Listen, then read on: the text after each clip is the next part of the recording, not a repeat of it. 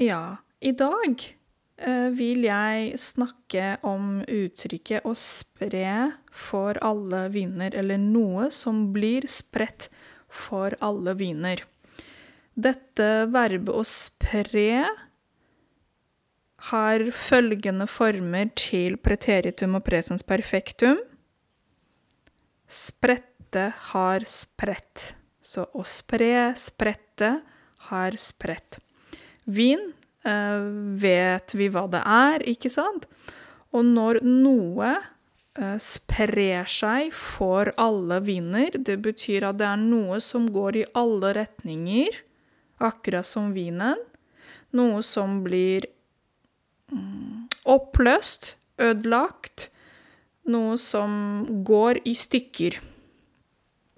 Og det kan føles litt negativt. Jeg skal gi dere et par eksempler. Mm, for eksempel en familie. En uh, familie på fire. Mamma, pappa og to barn. Ei jente og en gutt.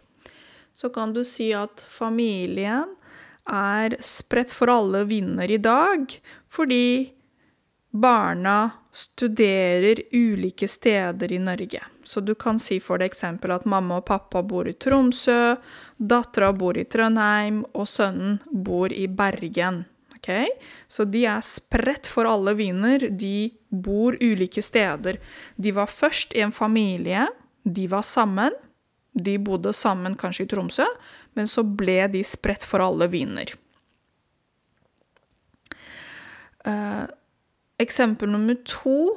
Um, jeg leste om um, noen skoler, ulike kommuner i Norge, hvor elevene kan bli spredt for alle viner fordi skolen må oppløses. Skolen Ikke oppløses, men skolen skal legges ned.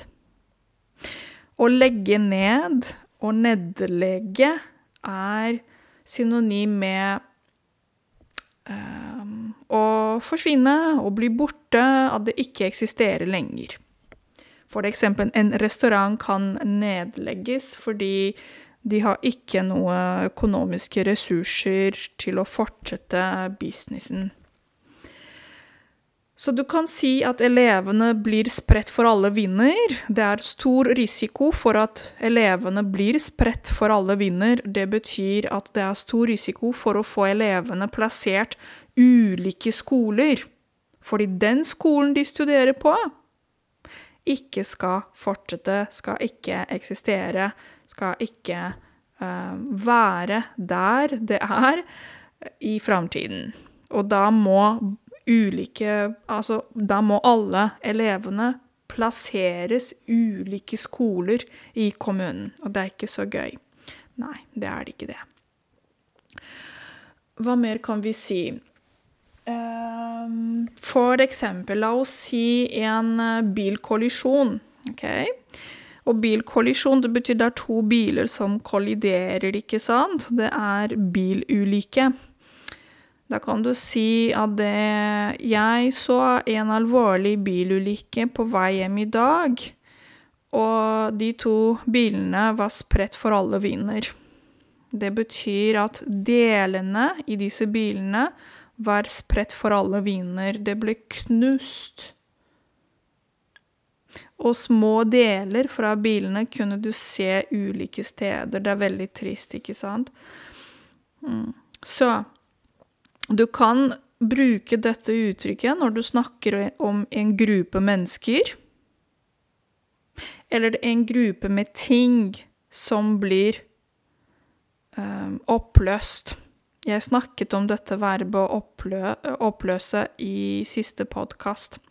Så um, hva kan bli spredt for alle viner? Fotballag, for eksempel. Et team, et lag, en gruppe, en familie kan bli spredt for alle viner. Uh, en boks med ting kan bli spredt for alle viner. En bil som kolliderer, kan bli, uh, kan bli spredt for alle viner. Så dere, tusen takk for at dere fortsetter å lytte til podkastene mine. Jeg ønsker dere en flott dag videre, og vi høres på min podkast eh, i morgen igjen. Ha det!